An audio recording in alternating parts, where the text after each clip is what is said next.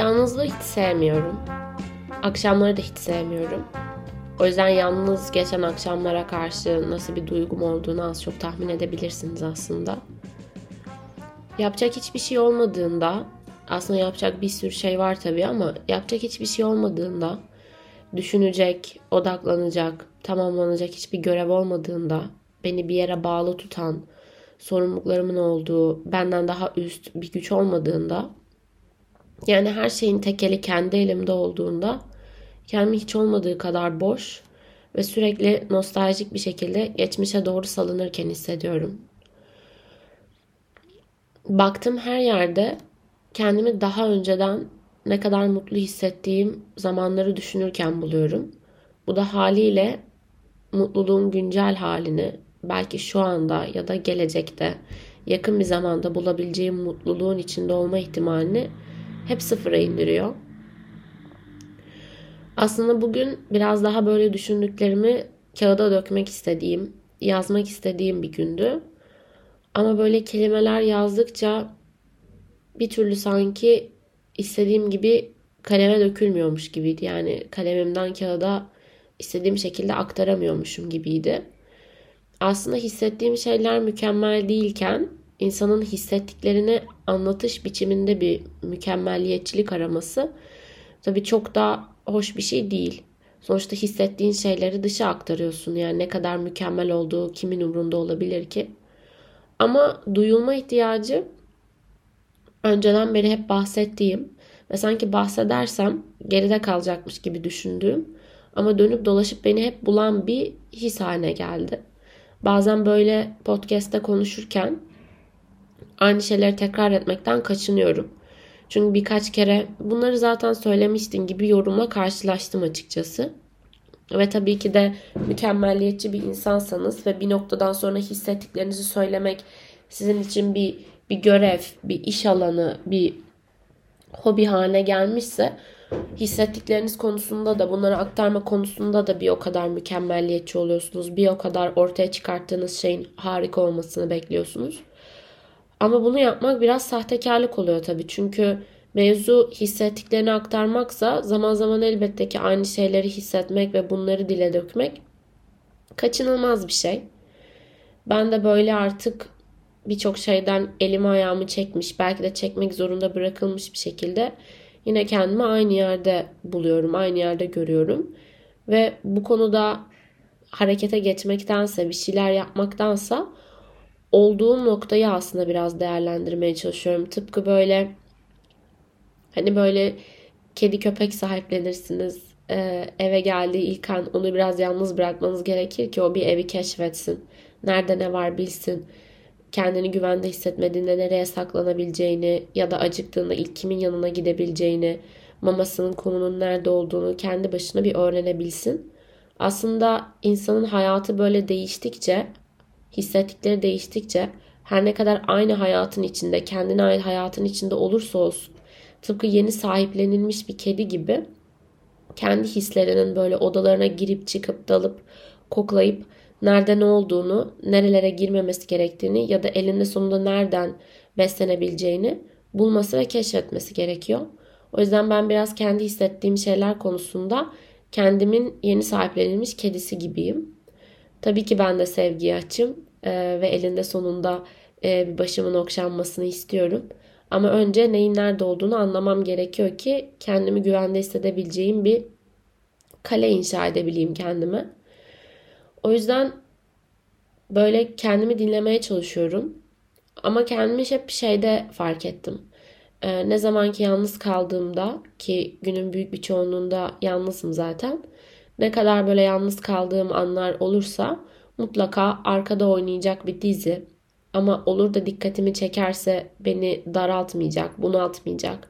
O yüzden olabildiğince keyifli, olabildiğince böyle çerezlik bir dizinin, filmin arkada oynaması ya da böyle bir şarkı dinleyip tek başıma balkonda sigara içerken olur da nostalji beni tekrardan içine çekerse diye sürekli telefonla balkona çıkmak, sürekli kendimi Instagram'da, Twitter'da ana sayfayı scrolllarken bulmak aslında çok yeni keşfettiğim bir şey değil. Ama galiba üstüne çok düşünmemiştim.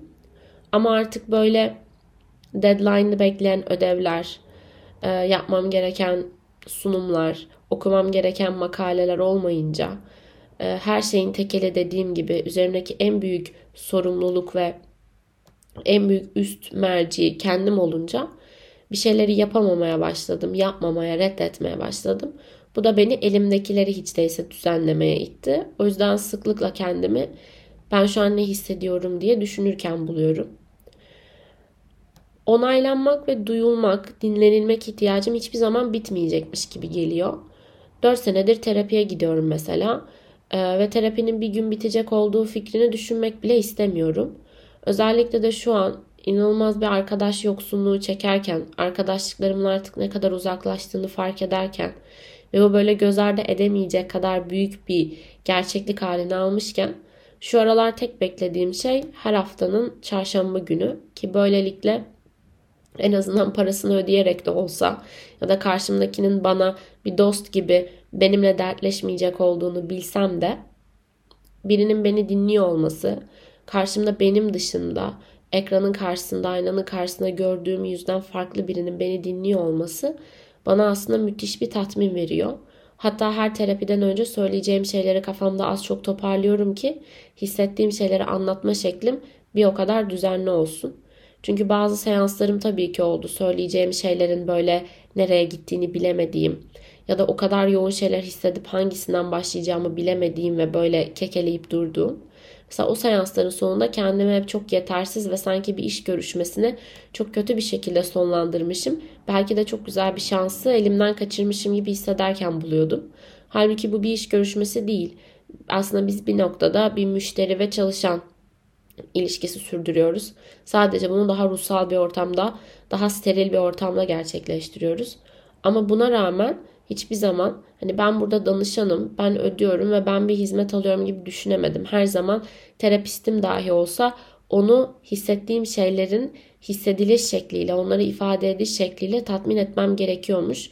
Yoksa atıyorum bana olan ilgisini, anlattığım şeylere dair ilgisini kaybedecekmiş. Ya da belki de ben onun favori danışanıyım ve e, benim yerimi başkası alacakmış gibi hissediyorum.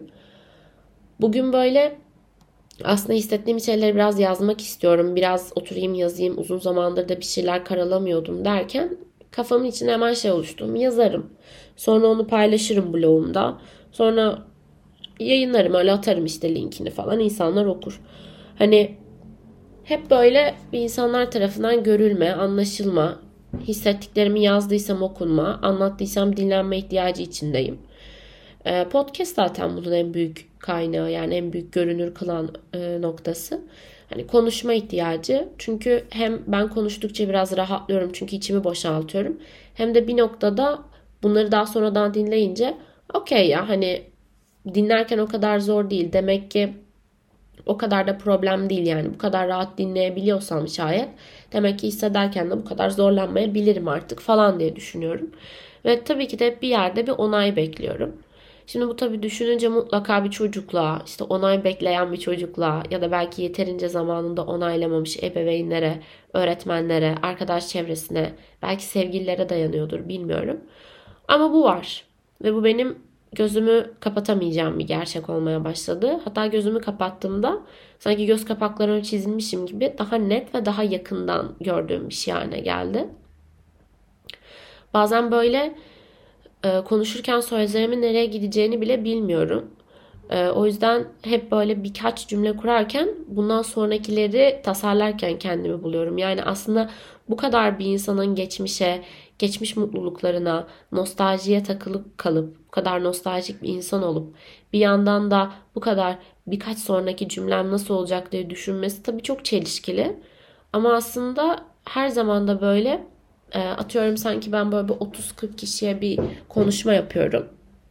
Haliyle konuşmanın ortasında şayet bir 5-6 e, kişi bir anda salonu terk ederse elbette ki bu benim ne söyleyeceğimi etkileyecek. Söyleyiş şeklimi etkileyecek. Çünkü bir anda her ne kadar hala salonda çoğunluğa hitap ediyor olsam da birkaç kişi aslında benim o kadar da dinlenmeye değer olmadığımı düşünmüş, düşünmüş ve salonu terk etmiş olacak. Haliyle bunun insanı etkilememesi mümkün değil. Muhtemelen de benim bilincimde hep böyle bir endişe olduğu için hissettiklerimi bile anlatıyorsam bunları olabildiğince ilgi çekici kılmak aslında biraz sürekli kendimi bunu çabalarken bulduğum bir şey. Bu aralar böyle konuşmak istediğim, anlatmak istediğim şeyleri sürekli kafamda listelerken buluyorum. Ee, ama konuşmak için mikrofonun karşısına geçtiğimde ya da yazmak için boş bir Word dosyası açtığımda, önüme temiz bir sayfa aldığımda her zaman kendimi düşündüklerimden başka şeyleri ya da bu bunları konuşurum diye düşündüğüm, tasarladığım şeyleri tasarlarken aslında göz ardı ettiğim ve belki de üstünü kapatmak istediğim şeyleri konuşurken dile, kaleme, kağıda dökerken buluyorum. Yani buna bir post Erasmus depresyon dendiğine dair çok fazla duyum almıştım. Hatta Erasmus'a giderken de döndüğümde böyle bir depresyonun beni karşılayacağına kendimi mental olarak çok hazırlamıştım. Hatta şu an gerçekten bu post Erasmus depresyonu mu yaşıyorum? Yoksa bunu yaşamayı tasarladığım için mi yaşıyorum? Bu konuda bile aslında şüphelerim var. Bu post Erasmus depresyon mu yoksa benim depresyonum mu? Ee, yoksa benim Erasmus'a bağladığım ve belki böylelikle daha benden başka yaşayanlar var diyerek meşrulaştırmaya ve kolaylaştırmaya çalıştığım farklı bir tip depresyon mu? Bunu bilmiyorum. Zaman gösterecek. Ama yaşadığım şey gerçekten aslında önündeki sıfatlar ne olursa olsun bir depresyon ve bunu aslında insanın iki koluyla sarıp sarmalaması gerekiyor. Ben önceden ilişkilere olan düşkünlüğümü, hep bir ilişki arayışımı, bir ilişkim bittiyse bile keza işte ya o insanla tekrar bir araya gelme ihtimalimi ya gelecekte başka bir insanla birlikte olma ihtimalimi ama mutlaka ve mutlaka yanımda, hayatımda, kalbimde, aklımda birisinin olma hayalini kurarak uykuya dalıyordum, uyanıyordum ya da kaygılarımdan bu şekilde uzaklaşıyordum. Haliyle yalnızlığın formülünü düşünmek ya da yalnız olmadığın anları düşünmek eğer bazı şeylerden kaçışınsa bu sefer yalnız kalma korkundan ne şekilde kaçacağını ya da her zaman yanında birilerinin olmayacağı gerçeğiyle hesaplaşmayı çok çok çok zor yapabiliyor insan. Ben böyle hep kendimi ben aşka aşığım ya falan diye tanımlıyordum ama aslında bunun bundan daha farklı bir şey olduğunu yavaş yavaş fark ediyorum. Bu aslında aşka aşık olmak değil. Bu sadece bunu daha güzel bir ambalaja sarıp biraz daha kabul edilebilir bir hale getirmek.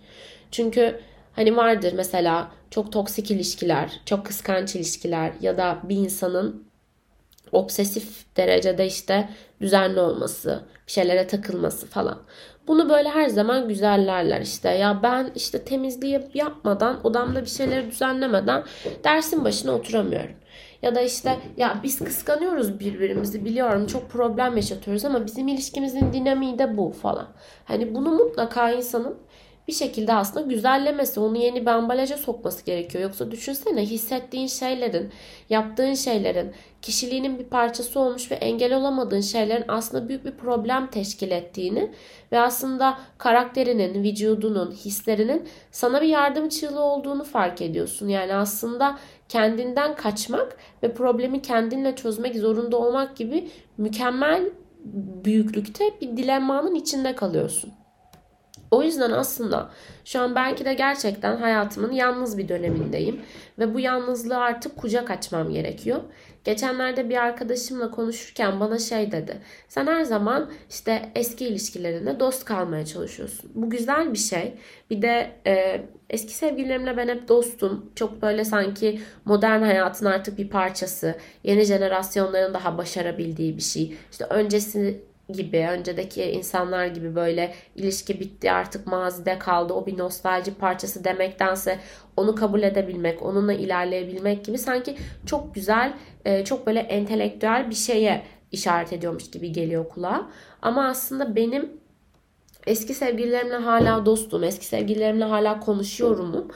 E, ilişkiden işte atıyorum birkaç ay sonra, birkaç sene sonra ya da işte gerçekten o ilişkinin bittiği bütün duyularımca kabullenildikten sonra yaptığım bir şey değil.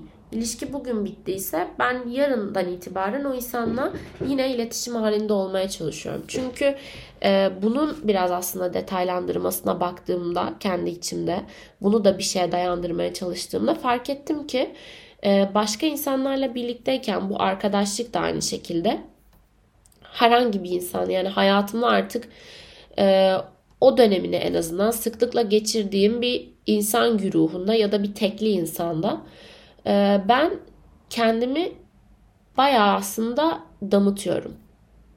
Ve bu damıtmayı o insanlarla yapıyorum. O insanlar benim filtrem haline geliyor ve haliyle ben damıtıldıktan sonra farklı bir şeye dönüşüyorum. Ve belki de bazı parçalarım, özüm bu filtrenin yukarısında kalıyor. Ee, tabii ki de her ilişkinin insana bir damıttığı gerçeğini göz ardı edemeyiz. Ama bu damıtmadan sonra ne olursa olsun bu değişimin zamanın ve ilişkilerinin dinamiğinin bir parçası olduğunu kabul etmek ve damıtılmış, süzülmüş halinle bunu kabul ederek e, yeni yelkenlere aslında açılmak gerekiyor. Ya da yeni damıtmalara, yeni filtrelere e, ya da olduğun gibi tadını çıkartmaya ve yeni halini e, keşfetmeye aslında belki de biraz yaramalı. Ama ben bundan ziyade bir insanla, bir ilişkiyle, bir dinamikle damıtıldıysam kendimi doğrudan o dinamiğe bağımlı hale getiriyorum.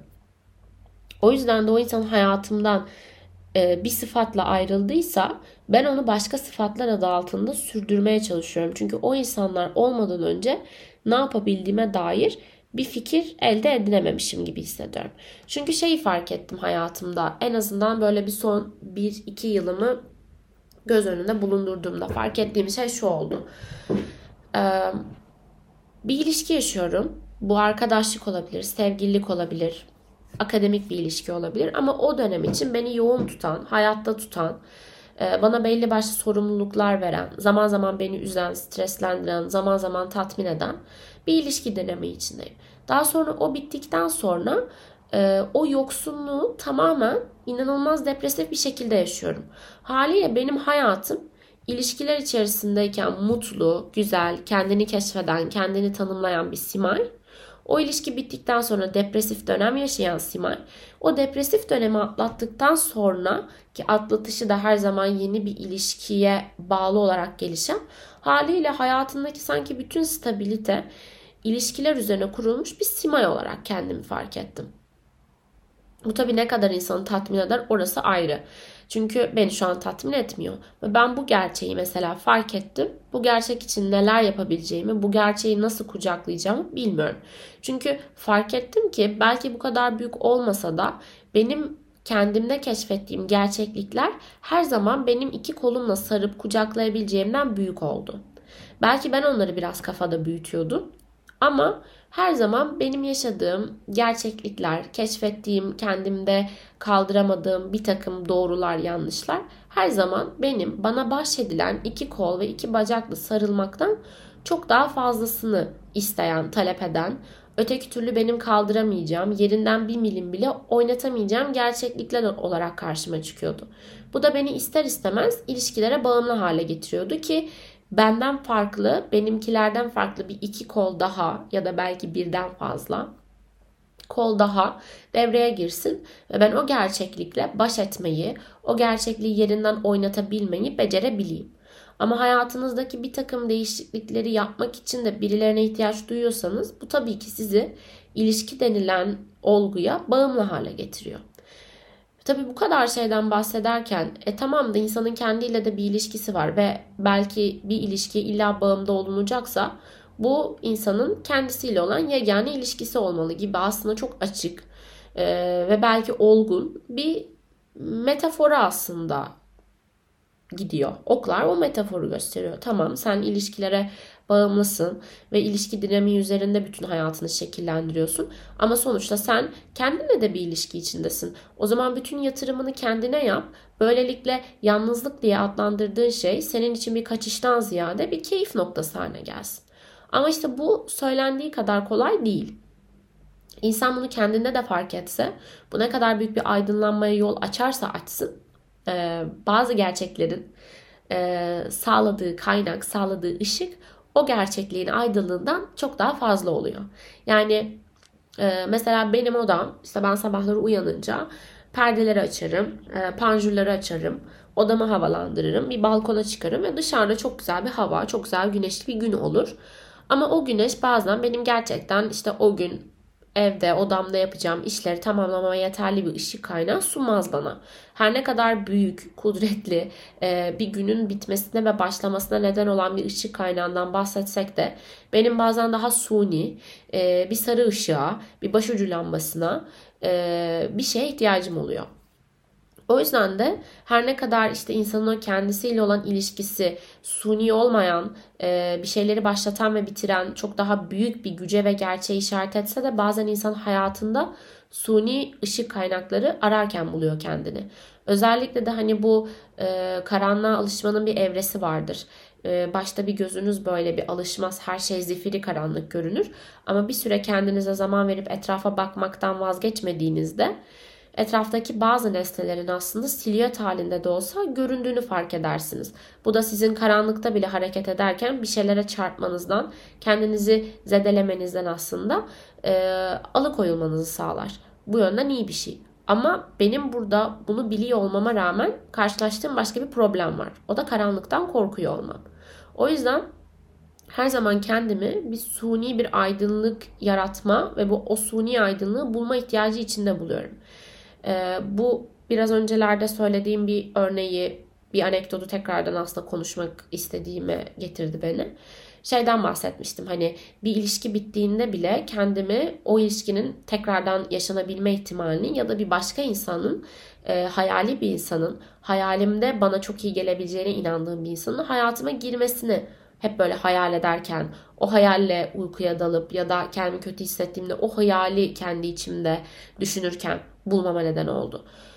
Ve ben biraz bunu eşelemeye çalıştım. Hani beni böyle camdan dışarıya bakıp bir müzik dinlerken, balkonda tek başıma otururken ya da uykuya dalamadığımda ama artık çok uyumak istediğimde beni sadece sessizliği, sadece karanlığı, sadece o e, camdan dışarıya izlerken akıp geçen ağaçları, yolu, elektrik tellerini izlemekten, dinlemekten, onlara kulak ve göz vermekten alıkoyan şey ne? Ben neden sürekli suni bir hayalin, suni bir ışık kaynağının ama ne olursa olsun bugünün, şu anın bana verdiklerinden daha farklısının hep peşine düşüyorum? Neden böyle bir tatminsizlik içindeyim? Mesela neden bu hissettiğim şeyleri kendi başıma düşünüp belki bir noktada adlandırabilecekken, çözümleyebilecekken neden bu sözlerimi kaydediyorum ya da neden bazen bu sözlerimi kağıda döküyorum ya da bunları yaptıktan sonra neden bunun bir ifade ediş biçimi olduğunu fark edip kendi kendime hazmetmektense başka insanlarla paylaşma ihtiyacı duyuyorum. Ve sonra paylaştıktan sonra kimin ne kadar dinlediğini, bundan bir ders çıkartıp çıkartmadığını, bana katılıp katılmadığını ya da bunların hepsinin yanı sıra söylediklerimin aslında hiçbir beğenilme, beğenilmeme ya da herhangi bir arzuya hitap edip etmemesi aslında büyük bir soru işaretiyken ben sadece hislerimden bahsederken bir kitap analizi, bir film analizi, bir kıyafet önerisinde bulunmazken neden hissettiğim şeyleri ifade edişin beğenilip beğenilmemesine bu kadar kafa yoruyorum? Yani aslında o kadar fazla soru var ki kendi içimde ben böyle biraz listeler yapmaya, o listelerdeki şeyleri tamamladıkça üstüne çizik atmaya bağımlı bir insanım. Bu benim en sevdiğim şey. Ee, ve bunun bana getirdiği tatmin bir noktadan sonra o kadar karşılanamaz oldu ki o kadar üstüne çizik attığım şeylerin çoğunluğunun ihtiyacına e, düşerken buldum ki kendimi. İşte önceden işte markete git, saçını kestir, ödevini yap gibi hani gerçekten o gün tamamlamam gereken şeyleri yaparken zaman içinde e, yeni şeyler eklemekten korkan, e, harekete geçmeye korkan, yeni bir şeyleri o listeye eklemekten çekinen karakterimle bir yandan da artık o üstüne çizik attığım şeylerin sayısından tatmin olmayan ben bir çelişkiye düştü ve bir orta yol bulmam gerekiyordu. Haliyle o günlük işte markete git, ödevini yap, kedinin mamasını koy, suyunu değiştir gibi yapmam gereken şeylerin yanına uyan, yüzünü yıka, kahvaltı et, bir bardak ılık su iç gibi aslında her zaman yaptığım ama hiçbir zaman görev olarak görmediğim şeyleri eklemeye başladım. Çünkü tatmin olduğum şeylerin sayısı artık yetersiz geliyordu ama ben dışarıdaki gerçek hayatta beni tatmin edebilecek yeni şeyleri bulmaktan çok korkuyordum. Çünkü tatmin edecek bir şeylerin arayışı çoğunlukla en başta bir tatminsizlik getiriyor ki böyle böyle aslında neyi istediğini ve neyi istemediğini buluyor insan. Ama ben bunu yapmaktan o kadar korkuyorum ki yeni bir şeylere adım atmaktansa hayatımda hali hazırda yaptığım ve görev olmayan şeyleri o listeye eklemeye başladım. Mesela ben e, dışarıda yürüyüş yapmayı severim. Ama o hazırlık, giyin, ayakkabını giy, yanına suyunu al, kulaklığını tak, önce bir tuvalete gir bilmem ne. Yola çıktıktan sonra bile sürekli böyle artık geri mi dönsem, geri mi dönsem, geri mi dönsem gibi geri dönmek istemekle bir parkuru tamamlamaya dair duyacağım tatmin hep böyle o bir saatlik iki saatlik yürüyüşte böyle içimde bayağı sağ kroşe sol kroşe kavga ederdi dövüşürdü. O yüzden evde koşu bandına binerdim orada yürürdüm. Halbuki yerinde sayıyorsun koşu bandında. Hiçbir yenilik görmüyorsun. Temiz hava almıyorsun. insanları görmüyorsun. Işık bile değişmiyor. Bir gölgenin altından geçmiyorsun. Bir makinenin üstünde aslında yerinde sayıyorsun. İşte çok bir şey katmıyor sana. Sadece bir şey yapmış oluyorsun ve kendi konfor alanını terk etmemiş oluyorsun.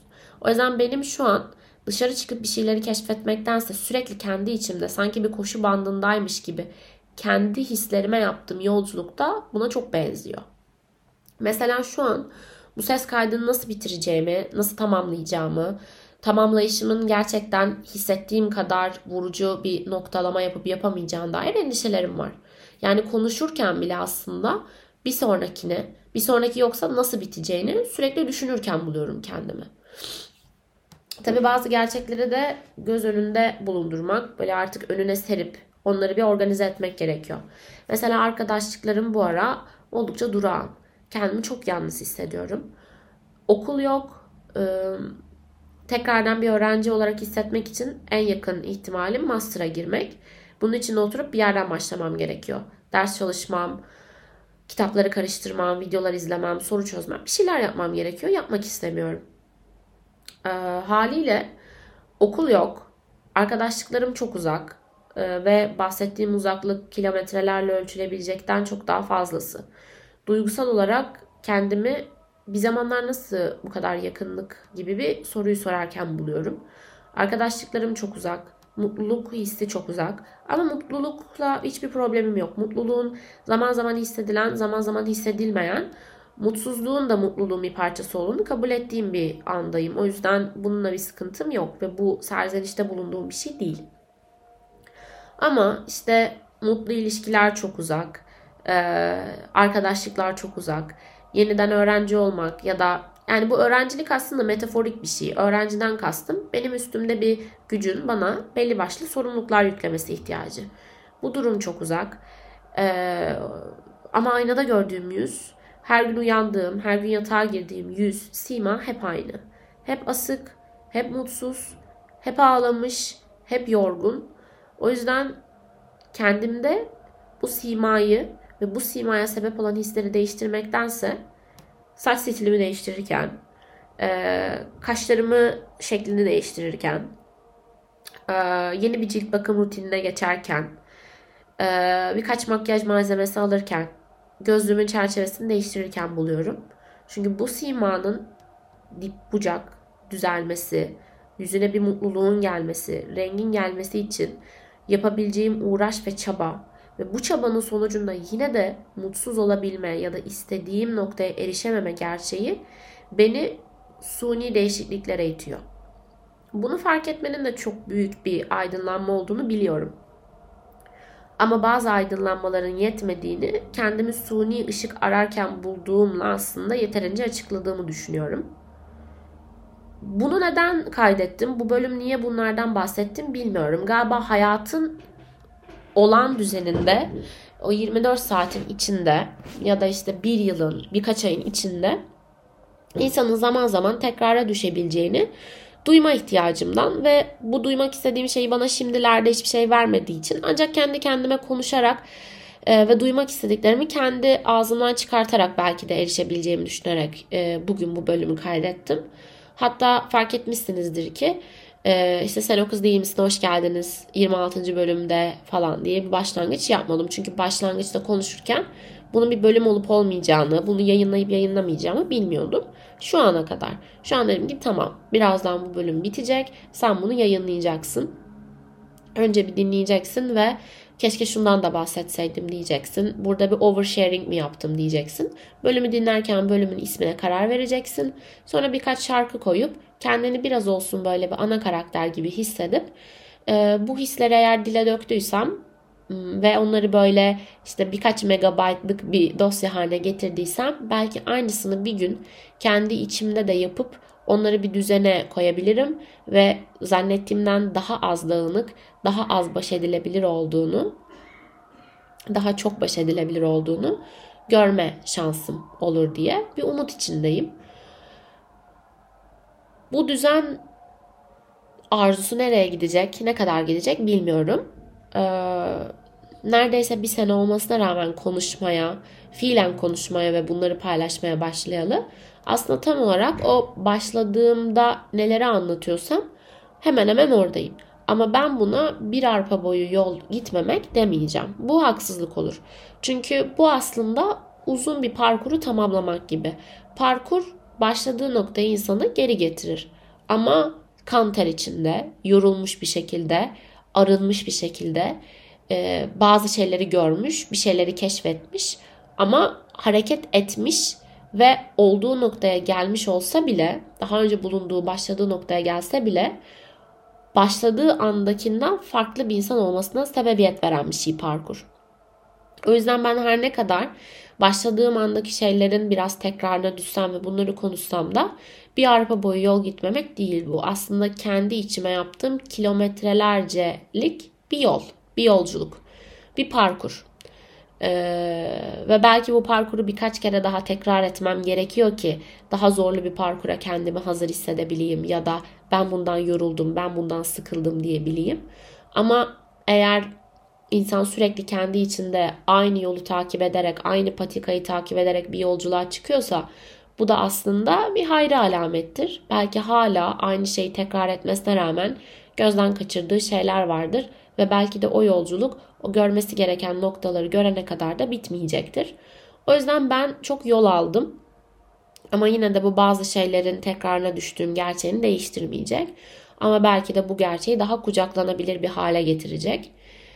İlişkileri işte ben aşka aşığım, ben arkadaşlıklarıma aşık gibi yaşarım falan diye aslında güzellediğim ve ambalajını çok cafcaflı bir hale getirdiğim duygularım aslında çözülmesi gereken ve yalnızlığın aslında talep sonucunda da çok kıymetli şeylere yol açabilecek bir şey olduğunu öğrenmem gereken bir noktaya işaret ediyor. Ee, ben aşka, ilişkilere, arkadaşlıklara aşık değilim. Ben onlarsız bir hayat düşünemediğim için bunlara bağımlıyım aslında. Bu yüzden kendimi hiç istemediğim bir halde, hiç kendimi e, yeni biriyle tanışmaya, yeni arkadaşlıklar kurmaya hazır hissetmiyorken bile kendimi birileriyle tanışırken, birileriyle sohbet ederken, hiç ilgimi çekmeyen muhabbetlerin içine girerken buluyorum. Çünkü bir eksikliği tamamlamaya çalışıyorum. Ama e, insan büyüdükçe bazı eksikliklerin tamamlanması gereken bir şey olduğunu değil de belki de minimalizme giden bir yol olduğunu da görüyor gibi. O yüzden artık bir şeyleri doldurmak istemediğim e, ve onları boşluklarıyla kabul edip minimalize etmeye çalıştığım, duygularımı minimalize edersem sahip olduğum şeylerin kıymetini daha iyi anlayıp tadını daha iyi çıkartabileceğim bir şeye yol açmasını istiyorum. Aslında bu ses kaydını, bu bölümü de biraz manifesto niyetinde kendime bir hatırlatıcı olması için kaydediyorum. Yine tekrar yalnızlığımı sadece dindirmek için başka şeylerin arayışına girersem bu çabalamada ve eşelemede kendimi bir durdurup Simay her ne olursa olsun e, şu an ne hissediyorsan hisset 24 Ekim akşamı sen böyle hissettin. O yüzden bu senin manifest ettiğin bir şeydi. Otur, tadını çıkart, anlamlandırmaya çalış.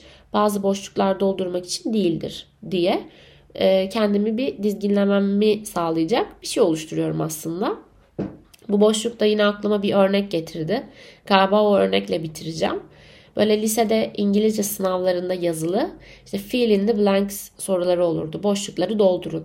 Bazıları da böyle biraz hileli sorular olurdu işte aslında cümle tam sadece ortaya bir boşluk çizgisi çekilmiş ki öğrenci onun aslında tamamlanmış bir cümle olduğunu, eksiksiz bir cümle olduğunu fark edecek mi? Yoksa buraya bilgisini göstermek için bir şeyler mi koyacak? O yüzden aslında bazen insanın bildiğini gösterme çabası ya da ne kadar bilgiye sahip olduğunu göstermeye çalışması bazı şeyleri ne kadar bilmediğini ya da dikkatinden kaçırdığını gösteriyor. O yüzden belki de benim şu an hayatımda boşluk olarak nitelendirdiğim şey biraz daha kendi bilgimi, kendime dair öğretimi geliştirirsem aslında boşluk olmadığını, sadece hileli bir his olduğunu ve gerçekten kendime dair tıpkı İngilizce öğrenmek gibi kendime dair bilgimi genişletip kendimi yeterince öğrenebilirsem aslında onun bir boşluk olmadığını ben oraya çekilmiş çizgiyle de bir tam olduğumu, bunun hileli bir soru olduğunu ve gerçekten öğrenmiş, bilmiş, hazmetmiş insanların başarıyla geçebileceği bir soru olduğunu belki de anlamam gerekiyor. O yüzden bazı boşluklar belki de yok bile. Biz sadece bir şeyleri sürekli hayatımıza alma ihtiyacından kendiliğinden boşluklar yaratıyoruz. O yüzden sen o kız değil misin'in başta öyle olmayan ama sonlara doğru 26. bölümü haline gelen bu bölümde beni dinlediğiniz için çok teşekkür ederim. Biraz hastaydım o yüzden böyle e, nezlenin verdiği şeyle sesim biraz boğuk çıkıyor. Umarım keyif almışsınızdır. Ben anlatırken, konuşurken çok aydınlandım. 36 dakika geçtiğini fark etmemişim bile. Kendinize çok iyi bakın. Umutsuzluğa alışmayın. Yatağa küskirmeyin. Herkese kocaman öpücükler.